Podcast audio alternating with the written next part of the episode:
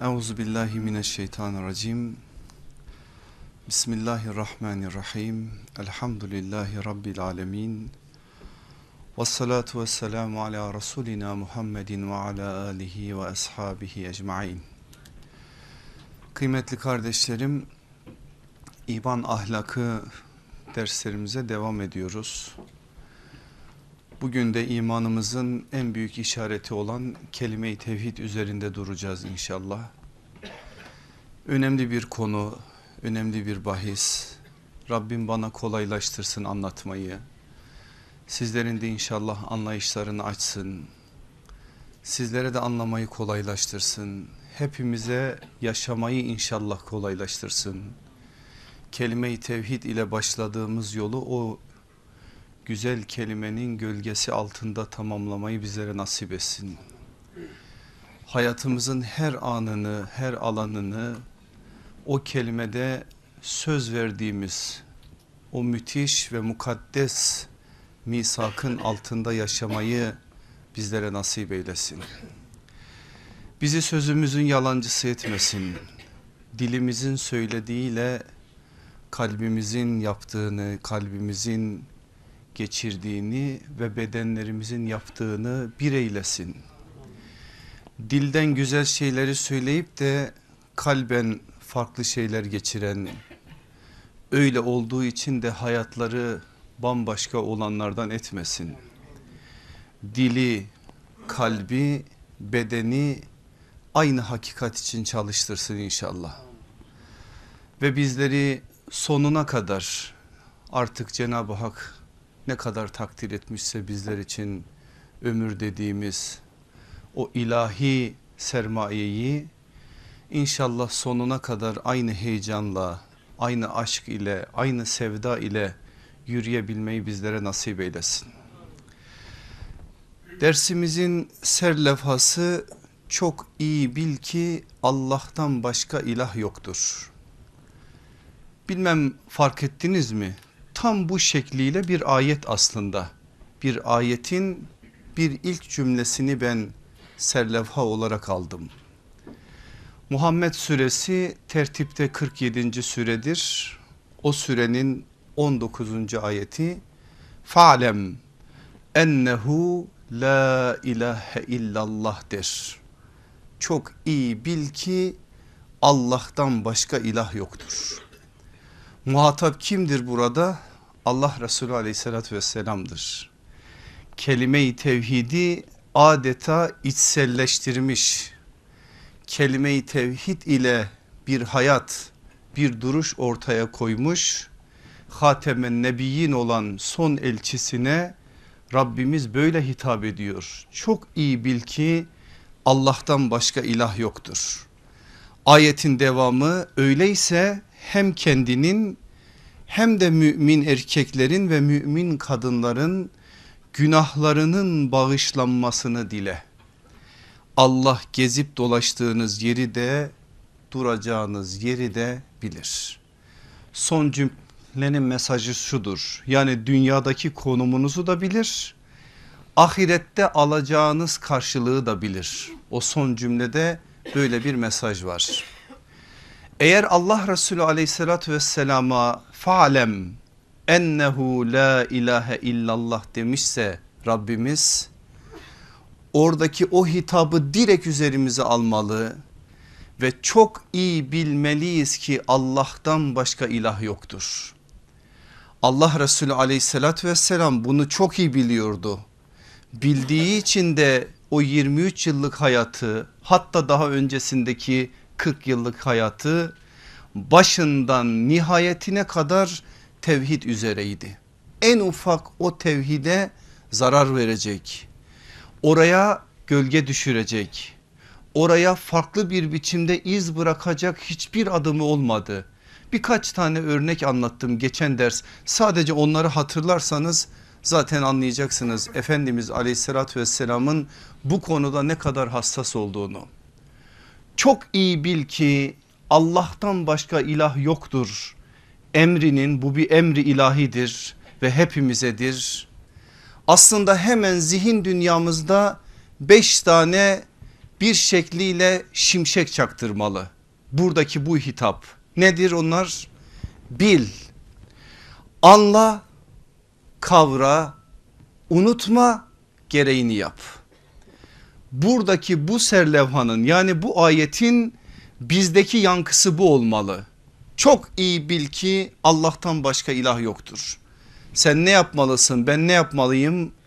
Buradaki bil emrini üzerimize alarak bu kelime-i tevhidi anlama adına bir gayret göstermek için adeta zihnimizde bu ilahi fermanı çakmalıyız, belletmeliyiz, bilme adına bir gayrete girmeliyiz. İkincisi anlamalıyız. Burada bir şey söyleniyor bize. Bunu sadece dilde bırakmamalıyız, anlamalıyız. Anlamakla kalmamalıyız, bunu kavramalıyız. Yani biraz daha üzerinde fıkh etmeliyiz. Biraz daha farklı bir biçimde bir mesaj almalıyız buradan.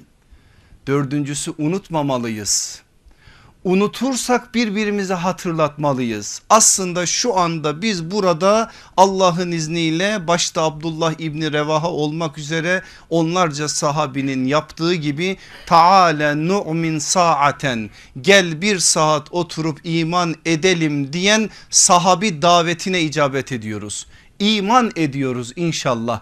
İmanlarımızı takviye ediyoruz. İman hakikatleri üzerinde inşallah tefekkür ediyoruz. Dolayısıyla insanız unuturuz. La ilahe deriz hemen der demez arkasından başka şeyler yapabiliriz. Unuttuğumuz için o hakikati birbirimize hatırlatma adına bir gayret içerisinde olmalıyız ve kendi kendim, kendimize de telkin etmeliyiz. Aslında fa'lem ennehu la ilahe illallah bir yönüyle insanın kendi kendine bu kelimeyi tevhidi de telkin etmesi anlamındadır. Asıl beşincisi bu kadar bir şeyler söyledin. Şimdi hadi meydan senin gereğini yap.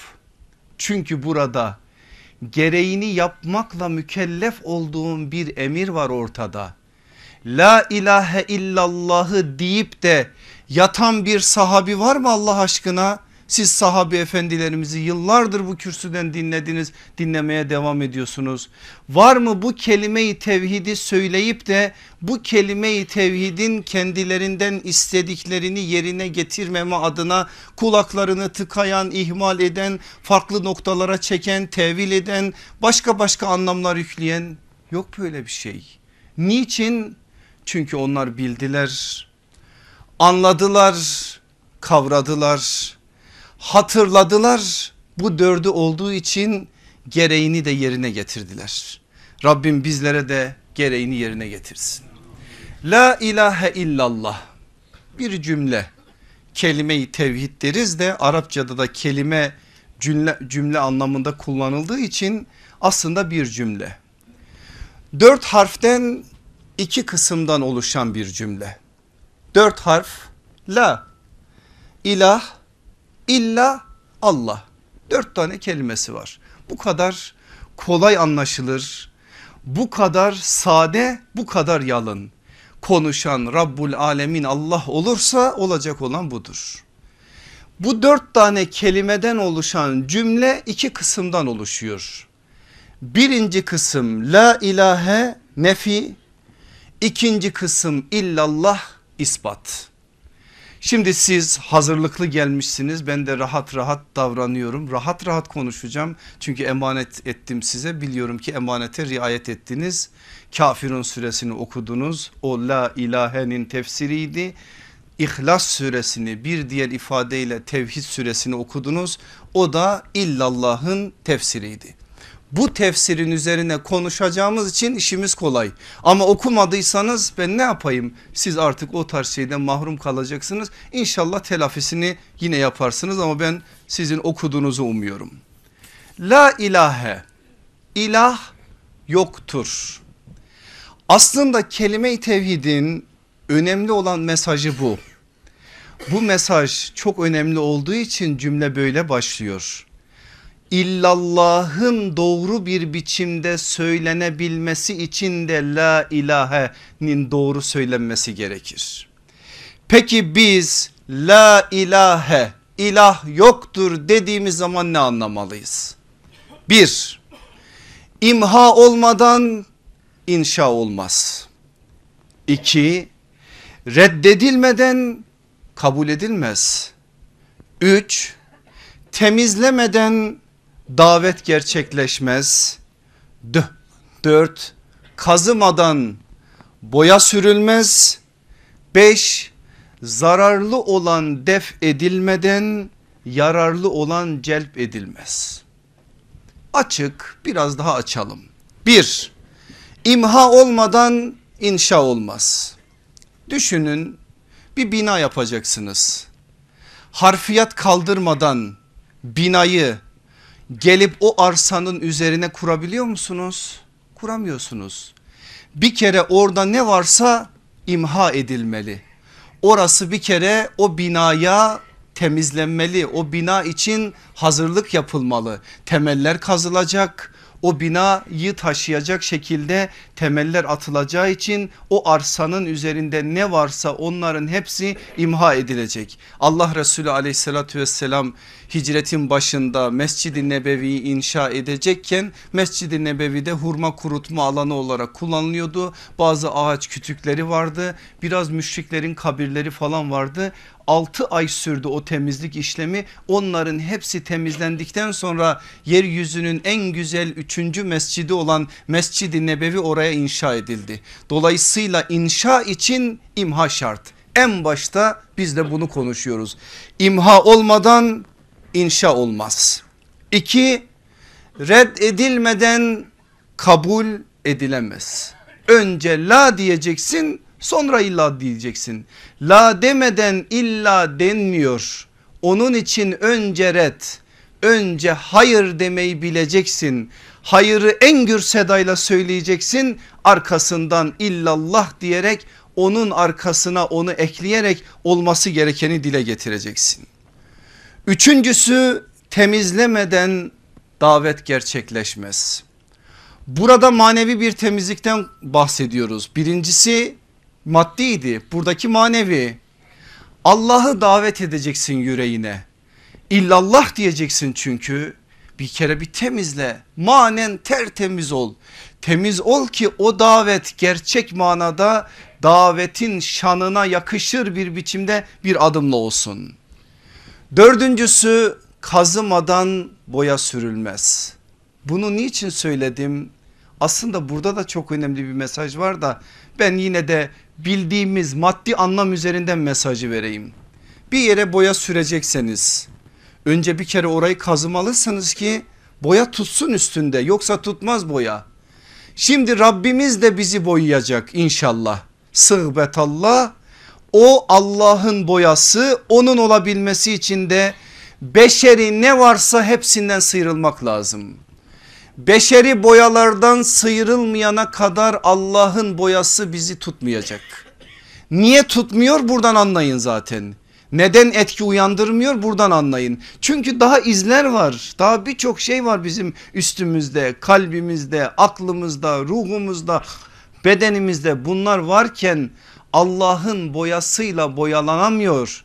O boyanın tutabilmesi için önce bir kere burada bir kazıma işlemi gerekir. Beşincisi zararlı olan def edilmeden yararlı olan celp edilemez. Bu mecelleye de bir kaydı olarak giriyor biliyorsunuz. Öncelikle zarardan kurtulmak lazım. En büyük zarar nedir? Şirktir. Her türlü şirkten arınacaksın ki Allah'ın davetine ait bir şey söylediğin zaman onun altı doğru bir biçimde dolmuş olsun. Yararlı olanın gelebilmesi için zararlı olanlardan bir kere arınmak gerekir. Demek ki la ilahe demek bize bu mesajların tamamını söyletiyormuş. Peki ikinci cümleye gelelim. İspatı tevhiddir ikinci cümle. Yani illallah demek ispatı tevhid. Peki biz illallah deyince ne deriz? Bakın aziz kardeşlerim ne olur dikkat edin cümlelere. Allah demek yetmez. Yetmez mi Allah demek? Yetmez. Sadece ve sadece Allah demek gerekir. Aslında tevhid budur zaten. tevhid konuşulduğu zaman karşısındaki kavram şirktir. Şirk mutlak inkar demek değildir. Aslında müşrik Allah'a inanandır ama Allah'a inanırken Allah'la beraber başka şeylere de inanandır. İşte onun için illallah'ın anlamı bu. Sadece Allah demek yetmez. Allah demek yetmez. Sadece ve sadece Allah demek gerekir. İkincisi evet demek yetmez.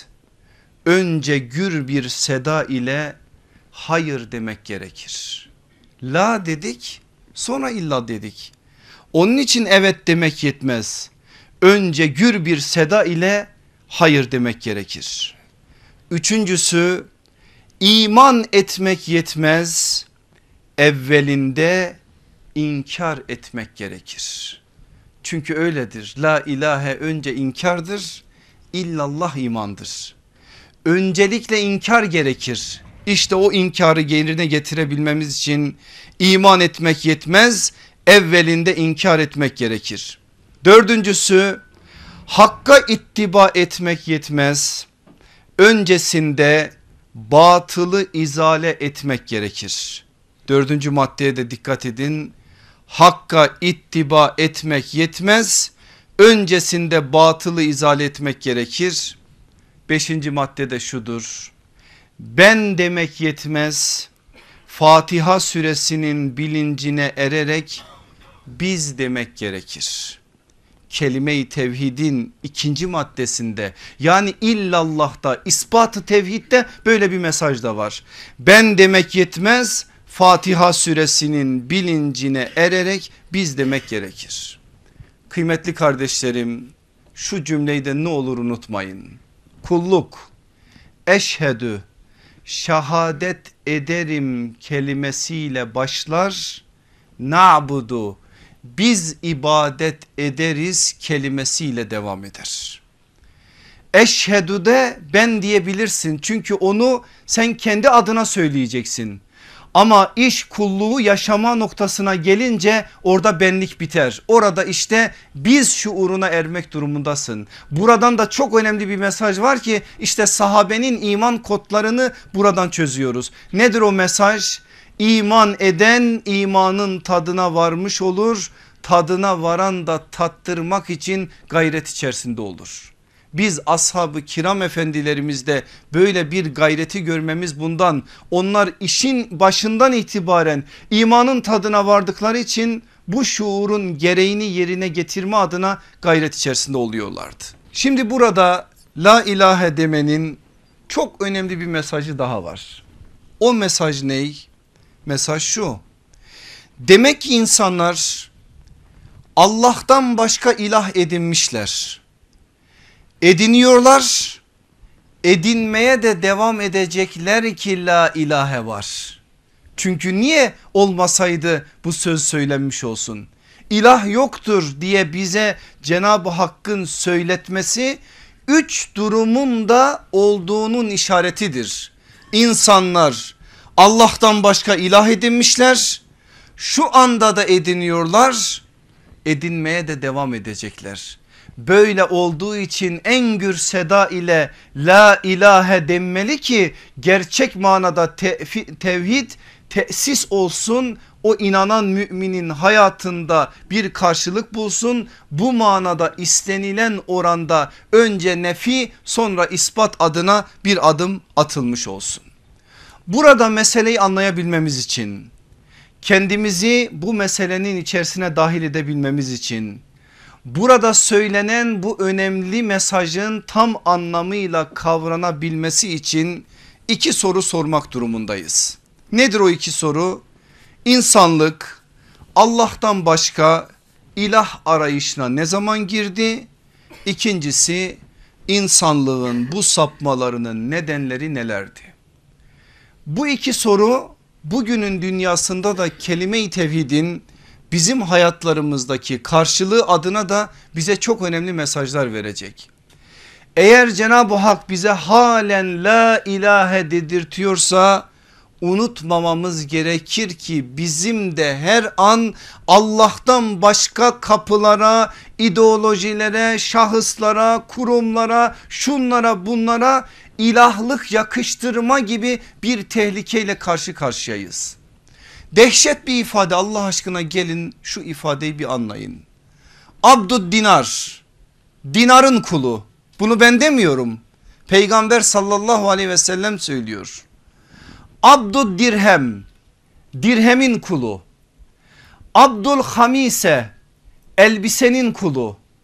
Abdul kadife, kadifenin kulu helak olsun Allah'tan başka kul olanlara deyip sözünü devam ettiriyor bir Bukhari hadisinde sallallahu aleyhi ve sellem. Demek ki kulluk dediğimiz şey sadece manevi güçlere de yapılmıyormuş. Biz bazen bu meseleyi belli alanlara sıkıştırdığımız için la ilahe illallah kelime-i tevhidi bizde tam karşılık bulmuyor. Zihnimizde miladi 6. asırdan intikal eden bazı bilgiler var. O bilgiler çerçevesinde meseleye bakıyoruz. Onun için la ilahe bizim için ne mesajı var. Biz zaten elhamdülillah Allah'tan başka bir kapının kulu değilim deyip işin içinden çıkıyoruz. Ama öyle basit olmadığını söylüyor işte Efendimiz aleyhissalatü vesselam. Tehlike var her an kayma tehlikesindesin. Allah'tan başka ilah yoktur derken gerçekten sen dinara da mı kul olmuyorsun? Yani paraya yani güce de mi kul olmuyorsun? Sen oradaki dinarı dirhemi başka para birimlerine çevir. İlle de orada söylenen de o değil. Oradaki elbisenin kulu olmak neyin kuludur biliyor musunuz? Üniformanın, gücün bir şekliyle kuvvetin aslında sembolüdür orada. Bir şekliyle zenginliğin işaretidir. Bir şekliyle de gücün işaretidir. Onlara ait de bir kulluğa ait bir mesaj veriyor ve bütün bunlara la ilahe de. Bunlara la ilahe dersen ancak illallah diyebilirsin diyor. Dolayısıyla burada bize söylenen mesaj çok güncel bir mesajdır. Hale şu ana hitap eden bir mesajdır. Ne olur birazdan örnekler vereceğim miladi 6. asırra belki daha öncesine ama sadece mesajın orada kalmadığı konusunda da bir bilgiyle beraber yürüyelim ki alabileceklerimizi bu noktada daha doğru bir biçimde anlayalım. Birinci soruyu bir daha tekrar edeyim. İnsanlık Allah'tan başka ilah arayışına ne zaman girdi? Cevap insanlıkla beraber. Hazreti Adem'in çocuklarıyla beraber bir şirk sürecinden bir sapma sürecinden bahsediyoruz. Hemen Hazreti Adem'in çocuklarından Habil ile Kabil arasındaki mücadeleyi biliyorsunuz. Bir kurban hadisesi var ki Maide suresinde anlatılır çocukların ismi verilmeden ama tarihi kaynaklarda detaylar daha fazladır. Habil'in kurbanı kabul edilip Kabil'in kurbanı kabul edilmeyince Kabil öz kardeşi Habil'i öldürür. O öldürmenin arkasından da yine gördüğü bir işaretle gömer. Hazreti Adem bu durumdan haberdar olunca oğlu Kabil'i huzurundan kovar.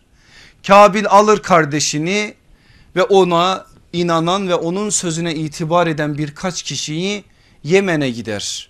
Yemen'de onlar yeni bir hayat başlatırlar ve onun soyundan gelen yani Kabil'in soyundan gelenlere şeytan başka bir telkinde bulunur. Habil'in kurbanının kabul edilişinin sadakat değil ateşteki manevi güç olduğu telkin edilir. Böylece şirk adına sapma adına önemli bir ayrılık başlar insanlık tarihindeki insanlık kadar eski bir şeyden bahsediyoruz. Öylece açıla açıla ta peygamber sallallahu aleyhi ve sellemin zamanına kadar gelir.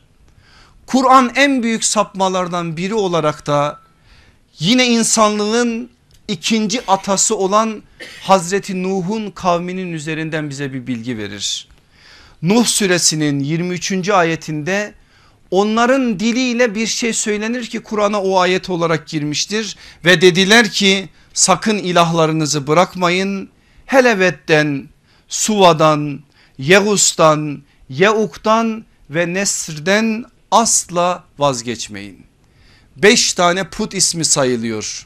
Dönem kimin dönemi? Hazreti Nuh'un dönemi daha insanlığın başı sayılabilecek bir dönemden bahsediyoruz. Ama beş tane put ismi ilah olarak insanlar tarafından edinildiğini ve Hazreti Nuh'un karşısındaki kavmi tarafından bunların korunması gerektiği konusunda da bir karşı koyuştan bahseder. Burada sayılan beş tane put isminin kimler olduğuna dair müfessirlerimizin iki görüşü var. İkisi de isabetli olabilir. İkisi de doğru olabilir. Ben ikisini de aktarayım size. Bunlardan birincisi şu.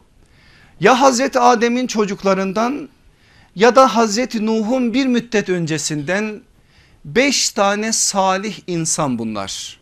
Salih insanlar yaşıyorlar insanlar bunları takdir ediyor. Bir müddet sonra öldükten sonra hatıraları canlı tutulsun diye bu beş tane isim için beş tane heykel yapılıyor.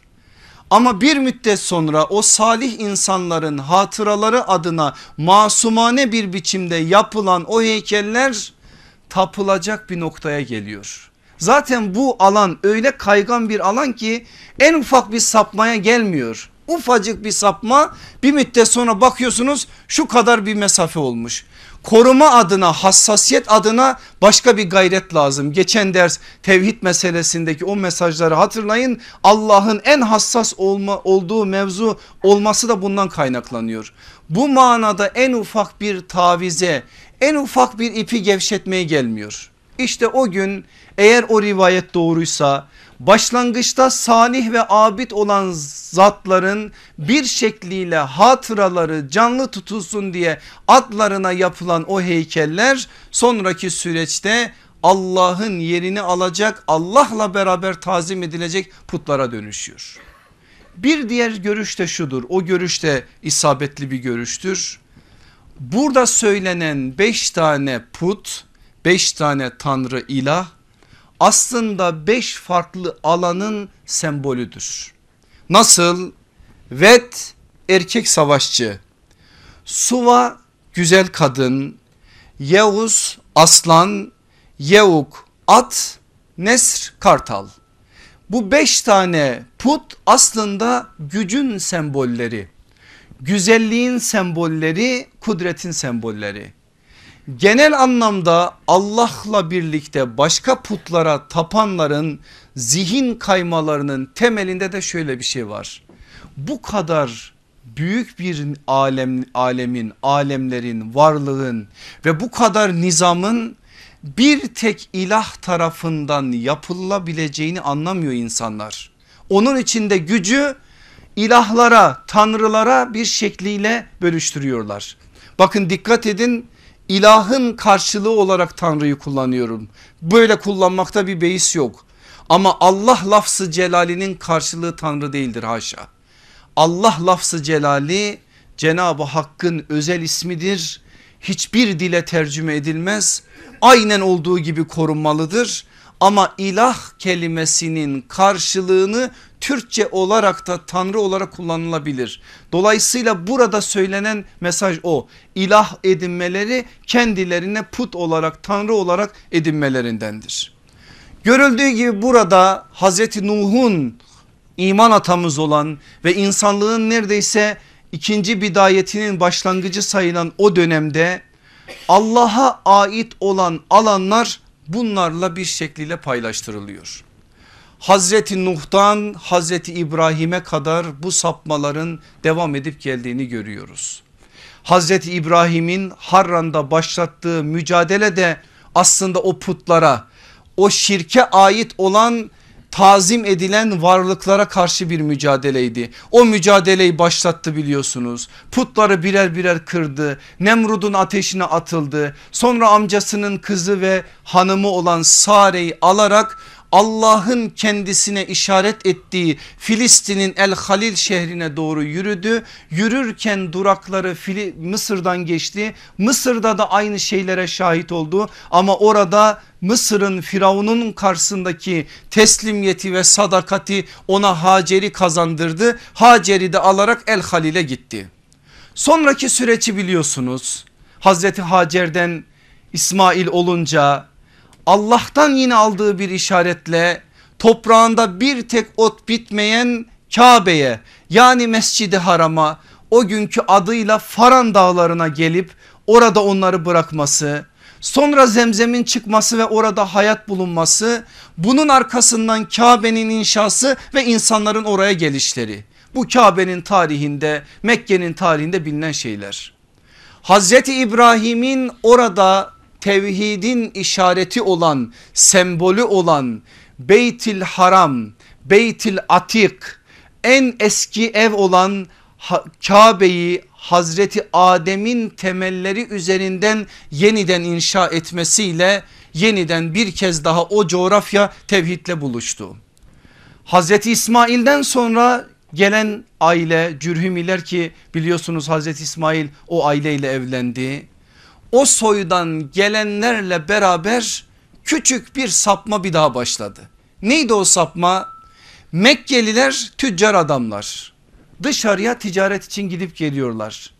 Ticaret için giden o tüccarlar uzun yolculuklarda Kabe'yi özledikleri için bir müddet sonra yanlarına Kabe'nin etrafından taşlar götürmeye başladılar. Bu kadar masum bir şey. Aldılar taşları gittiler uzun yolculuklar sırasında Beytül Haram'a karşı Kabe'ye karşı iştiyaklarını o taşlara bakarak gidermeye çalıştılar. Bir müddet sonra süreç gidince böyle ama başladı bir kere şimdi başlıyor ayrılmaya. Bir müddet sonra yolculukları bitip geri dönmeye başlayacakları zaman insanlar onların yanlarında o taşları görünce dediler ki siz zaten Kabe'nin olduğu yere gidiyorsunuz. Bu taşları bize bırakın. Taşlar onlara bırakıldı. Bir müddet geçti aradan o mescidi haramdan yani Kabe'den Mekke'den gelen taşlar bölgede insanların etrafında tavaf ettikleri tazim ettikleri taşlara döndü. Bakın sapma nereden başladı? Nereye doğru gidiyor? İşte böyle zaten. Dedik ya açıldı mı durdurmak mümkün değil. Bir müddet sonra öyle bir noktaya geldi ki Huzalıların artık yavaş yavaş Kabe'ye hakim olduğu dönem bu dönem bölgede şekilsiz taşlardan oluşan bir tazim noktasında insanların tazim gösterdikleri bir zemine kavuştu. İşte bu dönem zarfındadır Huzalılardan Amr ibn Luhay Şam'a gidip ticaret maksadıyla bulunduğu bir sırada Romalıların şekilli putlara tazim ettiğini görmesi bunun ne olduğunu sorması arkasından hoşuna giden kırmızı akikten yapılmış bir insan sureti şeklinde bir putu satın alıp Kabe'ye getirmesi. İşte Mekke'ye giren ilk şekilli put bu puttur. Bu putun adı ne? Hubel. Hubel'in kelime manası önemli. Birkaç farklı yorum var bu konuda. Ben sizi detaylarla boğmayayım ama en fazla itibar gören şu aslında Hubel'in asli hali Habal. Habal İbranice bir kelime. İki kelimeden oluşuyor. Ha bal. Ha Arapçadaki el takısına denk gelir. Yani İbranice'deki el takısıdır aslında. Bal ise Rab anlamında. Aslında habal ya da insanların dediği şekliyle hubel anlamı er Rab. Ve aynen de böyle. Rab neydi? Terbiye eden, hayata müdahale eden, hayatı şekillendiren, hayatı müdebbir eden, hayatı evirip çeviren bu anlamlara geliyor Cenab-ı Hakk'ın o yüce ismi sıfatı. Aynı şekilde insanların Hubel'e yükledikleri mana böyle bir manaydı. Ne yaptılar biliyor musunuz Hubel geldikten sonra? Bir müddet sonra Hubel Mekke'ye hakim oldu. Artık bütün işler Hubel'in önünde yapılıyor. Yedi tane ok belirlenmiş fal okları. İnsanlar ne yapacaklarsa o okları gelip çekerek yapıyorlar. Evlenecek oklarda yazıyor al alma. Ticarete gidecek mesela bir sefere gidecek git gitme. Yaptığın iş hayırlıdır hayırsızdır bu manada onu yönlendirecek şeyler Hubel'in önünde çekilen fal oklarına göre belirleniyor. Peki bedava mı bu iş? Hayır. Bu işin bir patronu var. İşin kesenin başında duran bir patron var ve bu parayla bu işleri yapıyor. Öyle hubele bedava bu işi yaptıramazsın. Kurbanlar keseceksin, hediyeler vereceksin o putla ilgilenen aileye biraz tabir caiz ise eğer rüşvet yedireceksin arkasından bu fal okları çekilecek ona göre de amel edeceksin. Böyle bir hayata müdahale eden hayatı şekillendiren bir hale dönüşüyor. Kimin elinde peki Allah Resulü aleyhissalatü vesselam bu işi nübüvvet adına yani la ilahe fermanını duyurmaya başladığı zaman Mekke'de bu iş kimin elinde? Cumuh oğullarından Ümeyye İbni Halef'in elinde. Niye adam Mekke'de ortalığı velveleye veriyor din elden gidiyor diye biliyor musunuz? Bundan dolayı aslında din min elden gitmiyor elden giden onun başında oturduğu kasa la ilahe dendiği, denir denmez Hubel yıkılacak o rant kapıları kapanacak. O rant kapısı kapanmasın diye la ilaheyi söylemiyor Ümeyye İbni Halef. Yıllar yılı Allah Resulü aleyhissalatü vesselama düşmanlıkta o adamın zirve olması bundan kaynaklanıyor. Bugün de bakıyorsunuz mesela hak ve hakikat adına bir şeyleri dile getirdiğiniz zaman Hakkın ikamesi batılın izalesidir. Batıl izale edilmeye başlandığı zaman batılın taraftarları rahatsız olacaklar ve başlayacaklar ortalığı velveleye vermeye. Falanca şey elden gidiyor filanca şey elden gidiyor. Aslında elden giden bir şey yok ele geliyor. Hakikat ele geliyor. Hakikat ele geldiği için de batıl gidiyor batıl izale ediliyor. İşte bu da batılın taraftarlarını korkuya düşürüyor. Allah Resulü aleyhissalatü vesselama düşmanlıkta bu manada zirve olanların şöyle bir hayatlarına bakın hep bunu görürsünüz. Aslında bu bahis de önemli bir bahis. Bir zamanlar bilmem imkan olur mu? Buradan söyleyeyim belki birileri yapar yapar da yük bizim sırtımızdan çıkmış olur. Onun düşmanları diye bir konu üzerinde durulmalı. Allah Resulü aleyhissalatü vesselama düşman olanlar birer birer irdelenmeli. Ebu Cehil, Ümeyye İbni Halef, Nadir İbni Haris, Übey İbni Halef, Ebul Buhturi, İb, Mutim İbni Adi bu insanların her biri bir sembol aslında. Evet birer şahıstılar ama davete karşı çıkmalarının çok özel sebepleri vardı. Ve bugün onların aslında anlaşılması bugün İslam'a karşı olanların stratejilerinin anlaşılmasına da katkı sağlayacak. Çünkü insan aynı insan mantık aynı mantık davet aynı davet kelime-i tevhid aynı kelime-i tevhid la ilahe deyince aynı şeyler bütün bunlar toplanınca da olacak olan belli zaten.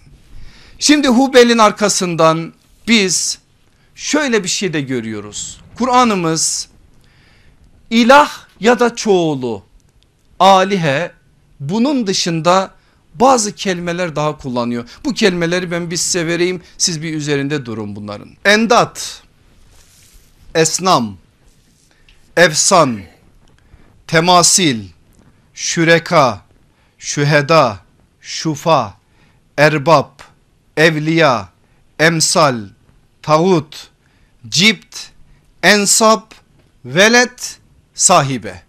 Hızlı mı oldu? Biraz yavaş diyeyim bir daha söylüyorum. Endat, esnam, evsan, temasil, şüreka, şüheda, şufa, erbab, evliya, emsal, tağut, cipt, ensap, velet, sahibe. Bunlar Kur'an'ın ilahlar diye andığı kelimeler kavramlar birbirlerine yakın bazılarının farkları var elbette ki ama üzerinde durulması gerekir. Kur'an bu manada la ilahe derken bütün bunların hepsini aslında la demenin gerekliliğini bizlere söylemiş oluyor. Ancak özel olarak mesela Hubel'in böyle bir tarihi geçmiş olmasına rağmen Kur'an'da Hubel yok. Ama Mekke'nin tazim ettiği bölgenin tazim ettiği üç tane put var. Lat, Uzza, Menat bu üçü var. Nerede var? Necim suresinde var. Niye başka putlar değil de bu üç put? Sadece putlar bunlardan mı müteşekkil? Hayır. İşte en başta söyledik Hubel ilk puttur. Mesela eğer mesele tarihi anlamda ele alınmış olsa Peygamber aleyhissalatü vesselamın dünyasında da onun karşılığı çok fazla olduğu için ve Mekkelilerin hayatında da bu manada karşılık çok olduğu için Hubel anılmalı ama Hubel alınmıyor. İsaf var, Naile var bunlar da yok. Onun dışında Mekke'de her ailenin kendi özel putu var bunlar da yok. Başka başka putlar da var. Allah Resulü aleyhissalatü vesselam Mekke'deyi Kabe'yi putlardan temizlediği zaman 360 tane putu kırdığını biliyoruz. Hak geldi batıl zail oldu ilahi fermanıyla. O 360 puta ait de Kur'an bir şey söylemiyor. Onlar genel ifadeler içerisinde. Ama özel olarak Lat, Uzza, Menat'ın söylenmesi de bu üç putun üç sembol olduğu yönündeki işaretten dolayıdır.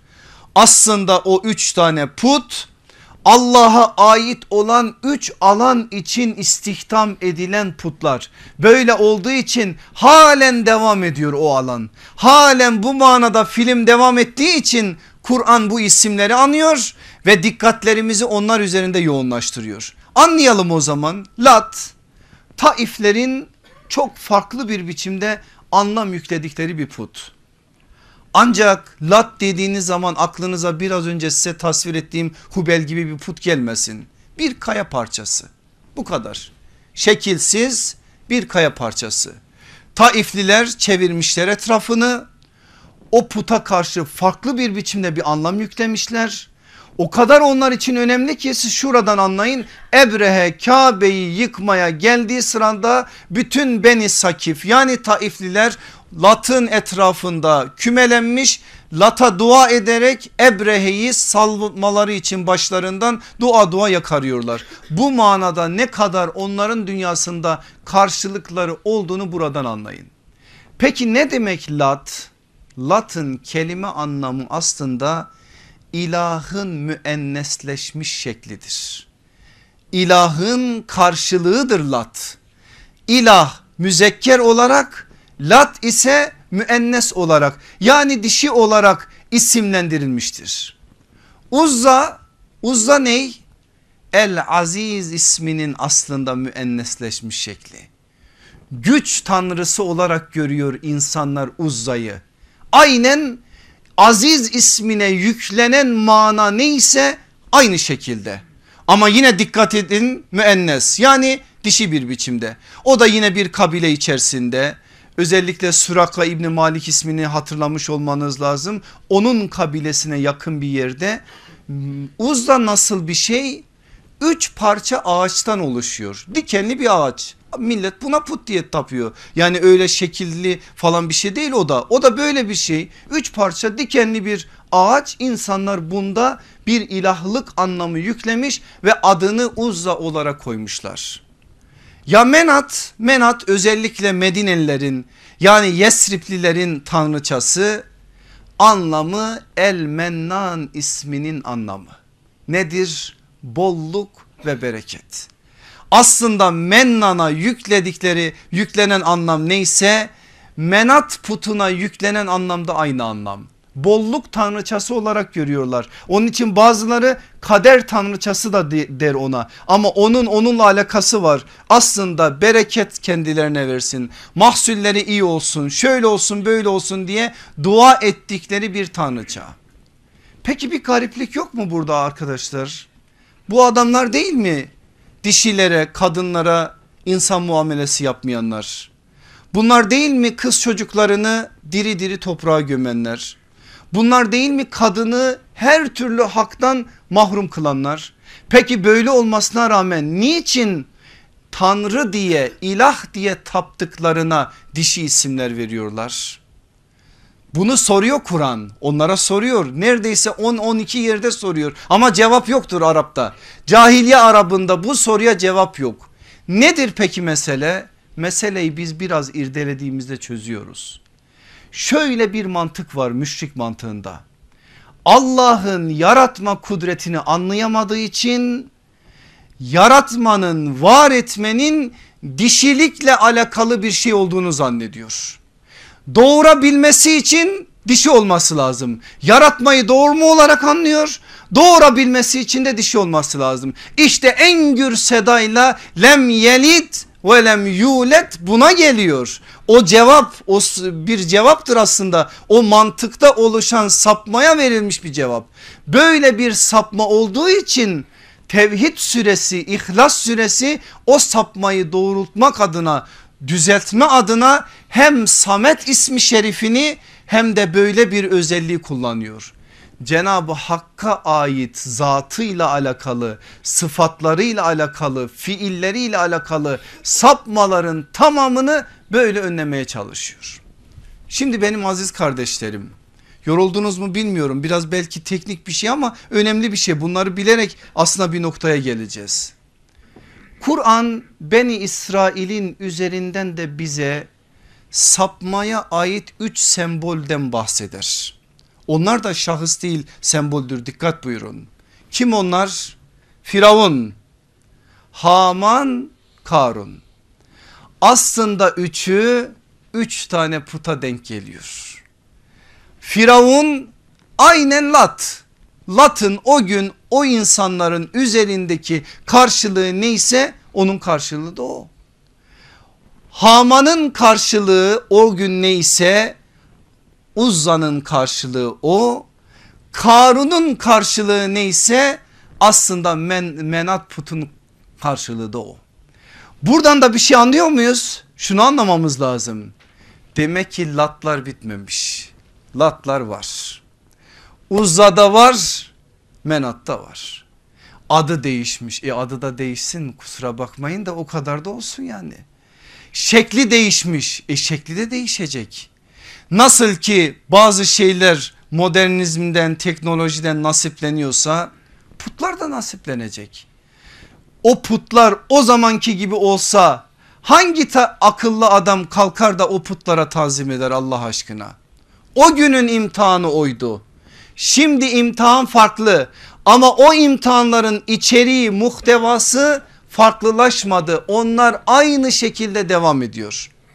Öyleyse eğer burada ciddi bir biçimde bir put tarifinin üzerinde durmamız lazım. Nedir put? Ben size bir tarif vereyim. Bu tarifi hiçbir zaman unutmayın. Put kişinin Allah'a ait vas, vasıf ve vasıf ve özellikleri kendisinde var olduğu kuruntusuna kapıldığı veya o özellikleri paylaştığı maddi manevi her şeydir. Bir daha söylüyorum put kişinin Allah'a ait vasıf, vasıf ve özellikleri kendisinde var olduğu kuruntusuna kapıldığı veya o özellikleri paylaştığı maddi manevi her şeydir. Bu ille de maddi bir şeyde olmasına gerek yok.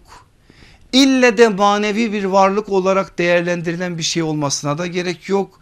Değişebilir bu ama bunun etkisi Allah'a ait olan alanları gasp etme noktasındaki tesiri aynen geçmişteki olduğu gibidir. İşte böyle olunca bu manada la ilahe nefi cümlesinin bugünün dünyasında da çok önemli bir karşılığı olduğunu hiçbir zaman unutmamak gerekir. Aziz kardeşlerim niye insan peki putlara ihtiyaç duyar? İkinci sorumuz bu olmalı. Neden böyle bir sapmaya ihtiyaç duyar insan? Ya da ne insanı bu sapmaya götürür? Bunu sorguladığımız zaman Mekke'deki o ilk muhatapları sapmaya götüren şey neyse şu anda modern muhataplar olarak bizi de sapmaya götüren şeyin aynı şey olduğunu görüyoruz. Nedir peki o şey? Allah'ı uzaklarda tasavvur etmektir. Allah uzak bize yakın değil. Allah uzaksa eğer Allah'la bizim aramıza başka şeyler lazım. Çünkü oradaki o uzaklığı giderecek başka bir ihtiyaç hasıl oluyor. İşte uzak Allah tasavvuru üç tane yanlış sapmayı kendiliğinden getiriyor. Nedir bunlar? Yanlış vesile anlayışı, şahıslaştırma ve kavrayamama. Eğer Allah'ı sen uzak olarak tasavvur edersen varacağın nokta bu. Yanlış bir tevessül anlayışına yani yanlış bir vesile anlayışına saplanırsın Allah korusun. Allah'ı şahıslaştırırsın. Yani müşahhas bir hale getirirsin. Put işte bu zaten. Üçüncüsü de kavrayamazsın. Kavrayamadığını kavrayacak bir noktaya getirir. Tenzihi zedelersin Allah korusun. Bakın yanlış vesile anlayışına. Ne diyordu Mekke'deki müşrikler? Biz bun, bunlara ilah diye tapmıyoruz. Bunlar Allah'a bizi yaklaştırıyorlar. Allah'a bizi yakınlaştırmak için biz onları vesileler ediniyoruz diyorlar. Böyle masumane bir şey aslında inkar yok. Allah'a yakınlaşma adına onu vesile etme onu aracı kılma gibi bir adım var.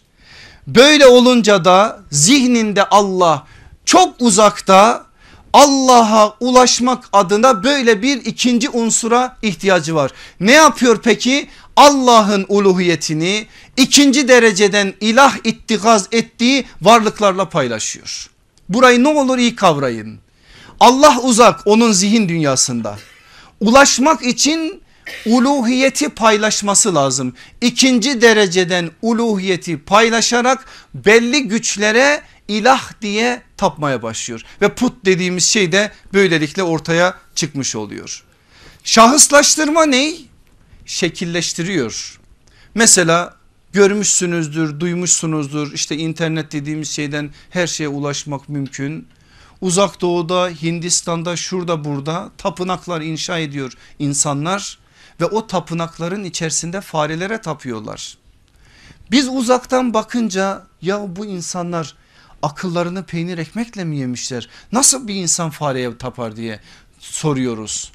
Ama gidip onları dinlediğiniz zaman bir mantık örgüsü var onlarda. Adam fareye tapmıyor.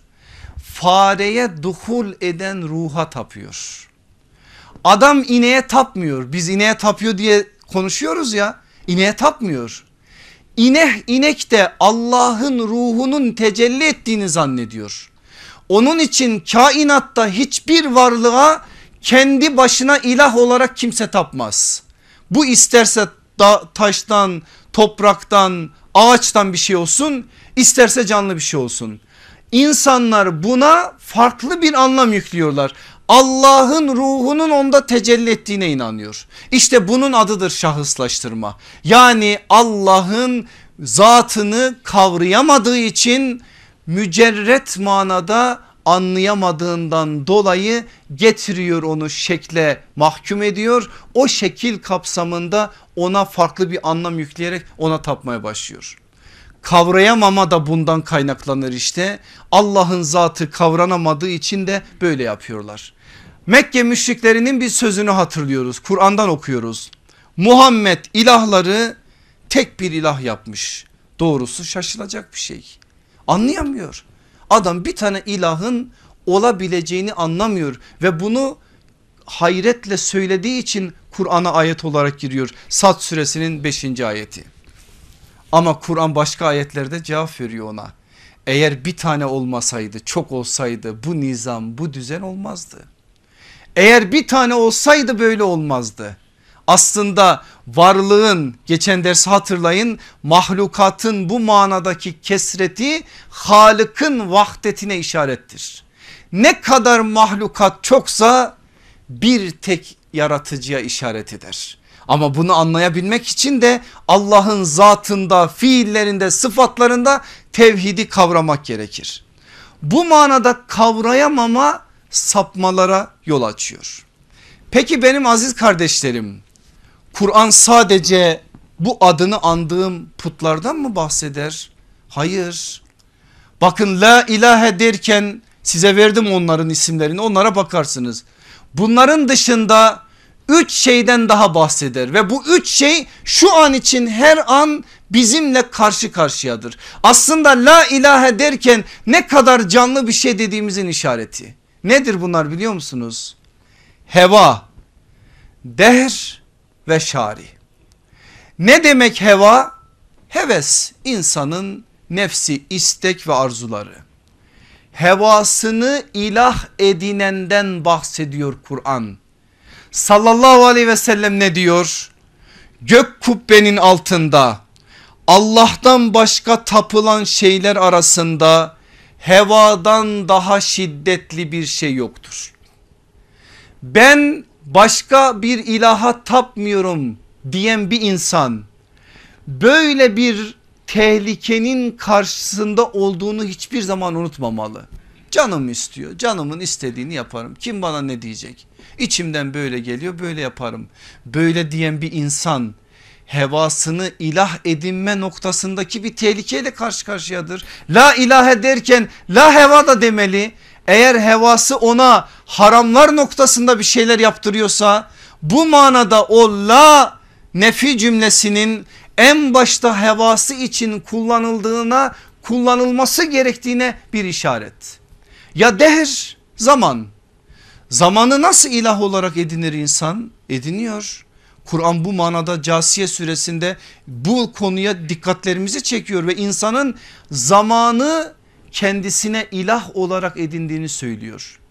Ne diyor burada ayeti okuyayım ben size.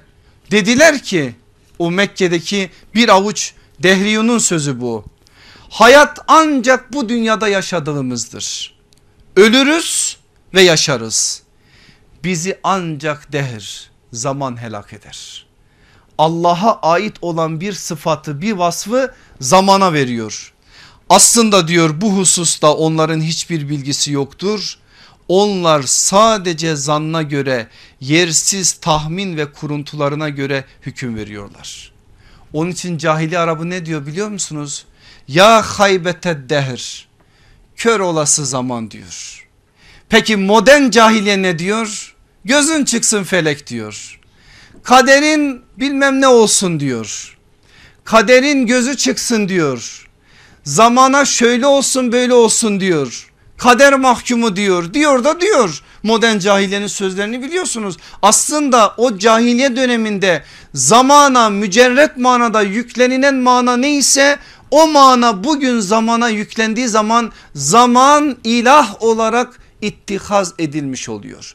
La ilahe derken zamanı Allah'tan ayırmadan zamanı Allah'ın yarattığı bir araç olduğunu unutmadan ve asla zamanın kendisinin herhangi bir kudrete sahip olmadan Allah'ın yönlendirmesiyle ona yazdığı yazgı neyse o yazgıya göre hareket ettiğini unutmadan bir bilinçle hareket etmek lazım. İşte dehrin ilah olarak edinmesi o. Gelelim en zoruna ve en önemlisine. O ney? Şari. Şari ney? Hüküm koyan, kanun koyan, kanun yapan, bu manada yaptığı kanuna da insanların uymasını isteyen ve zorlayan. Allah bir meselede bir hüküm vermiş. Başka hiç kimseye, şahsa, kuruma, ideolojiye, şuna buna hiç kimseye Allah'ın kanununun karşısında kanun koymaya, hüküm koymaya yetkisi yoktur. Bu manada atılan her adım şari olarak insanın birilerini işaret ettiğinin işaretidir. Birilerini şari olarak edindiğinin işaretidir. Dolayısıyla bu konuda çok önemli bir noktada duruyoruz bugünün insanı olarak. La ilahe derken de Allah'tan başka kanun koyucu yoktur demek durumunda ve zorundayız. Eğer böyle dersek kelime-i tevhid gerçek manada kelime-i tevhid olmuş oluyor. Allah Resulü aleyhissalatü vesselam bir ayet okuyor Mescid-i Nebevi'de. Yahudiler Allah'ı bırakıp hahamlarını, Hristiyanlar rahiplerini ve Meryem oğlu Mesih'i Rabler edindiler. Halbuki onlara ancak tek ilaha kulluk etmeleri emrolunmuştu. Çünkü Allah'tan başka ilah yoktur. O bunların koştukları her türlü isnattan elbette ki münezzehtir. Bu ayet okunuyor sallallahu aleyhi ve sellemin mübarek dilinde. Boynunda bir haç daha Müslüman olmamış geçen derste misafirimizdi. Adi İbni Hatem içeriye giriyor. Ayeti duyuyor Allah Resulü aleyhissalatü vesselamdan akıllı birisidir. Çok bilinen ve meşhur birisidir. Hatemi Tayin'in oğludur. Anında Allah Resulü aleyhissalatü vesselama şöyle bir söz söylüyor. Ya Resulallah sen böyle bir ayet okudun ama Ben rahipleri çok iyi bilirim. Hristiyanların içinden geliyorum. Biz hiçbirimiz rahipleri Rab olarak edinmeyiz diyor. Bakın sallallahu aleyhi ve sellemin söylediği cümleyi aynen size okuyorum. Siz rahiplerinizin helal kıldığını helal, haram kıldığını ise haram kabul etmiyor musunuz? Hatem bir şey demiyor. Adi İbni Hatem. İşte Allah'tan başka kime bu yetkiyi verirseniz o sizin Rabbinizdir. Daha başka bir izaha gerek var mı? Bu kadar net. Allah'a ait bir alanı paylaştın birisiyle. Bu manada bir şeylere teslim oldun. İşte bu konuda sallallahu aleyhi ve sellemin söylenen ayeti tefsir etme noktasındaki attığı adım budur ve bu kadar net bir biçimde bir izahtır. Bunu söyleyince insanlar da anlıyorlar ki şari ne demektir.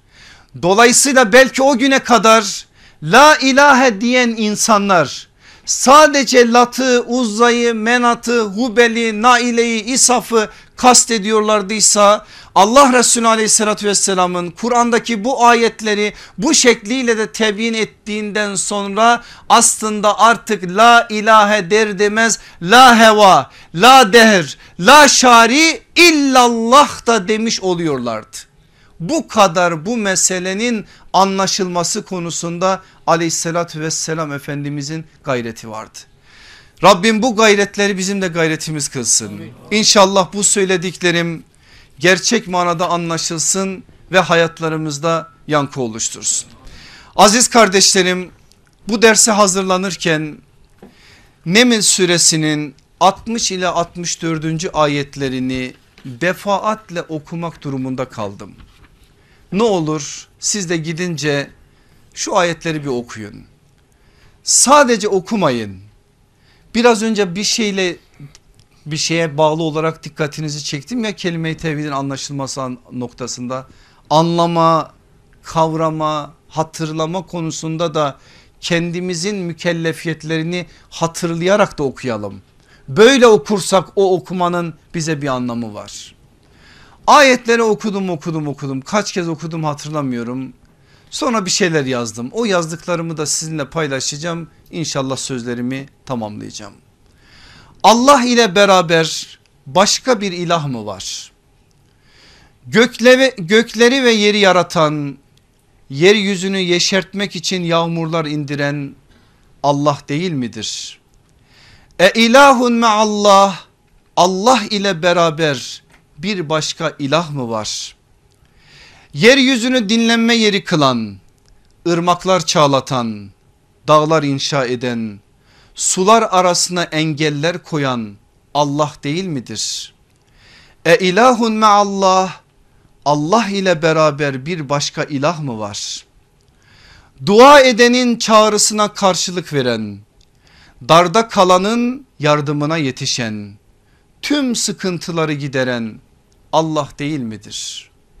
E ilahun me Allah, ile beraber bir başka ilah mı var? İnsanı yeryüzünün halifesi kılan, ona şeref ve izzet bahşeden, yarattığı her şeyi hizmetine veren Allah değil midir? E ilahun me Allah, Allah ile beraber bir başka ilah mı var? Zifiri karanlıklarda yol bulduran, şaşırıp kalanları doğruya kavuşturan, rüzgarları ulaştıracağı rahmetinin müjdeleyicisi kılan Allah değil midir? E ilahun me Allah, Allah ile beraber bir başka ilah mı var? Yaratılışı ilk defa başlatan, her an yaratmaya devam eden, baharı kışı, hazanı yazı var eden Allah değil midir? E ilahun me Allah, Allah ile beraber bir başka ilah mı var? Kanunlar ve kurallar koyan, koyduğu kurallara pazarlıksız uyulmasını isteyen, her hükmünde mükemmel olan Allah değil midir? E ilahun me Allah, Allah ile beraber bir başka ilah mı var? E ilahun me Allah, Allah ile beraber bir başka ilah mı var? Haşa yüz binlerce kez milyonlarca kez haşa. La ilahe illallah Allah'tan başka ilah yoktur. Vahdehu la şerikele o tektir. Onun hiçbir ortağı yoktur. Lehül mülk mülk onundur. Mülkte hiçbir ortağı yoktur. Ve lehul hamd hamd onadır. Hamdde onun hiçbir ortağı yoktur.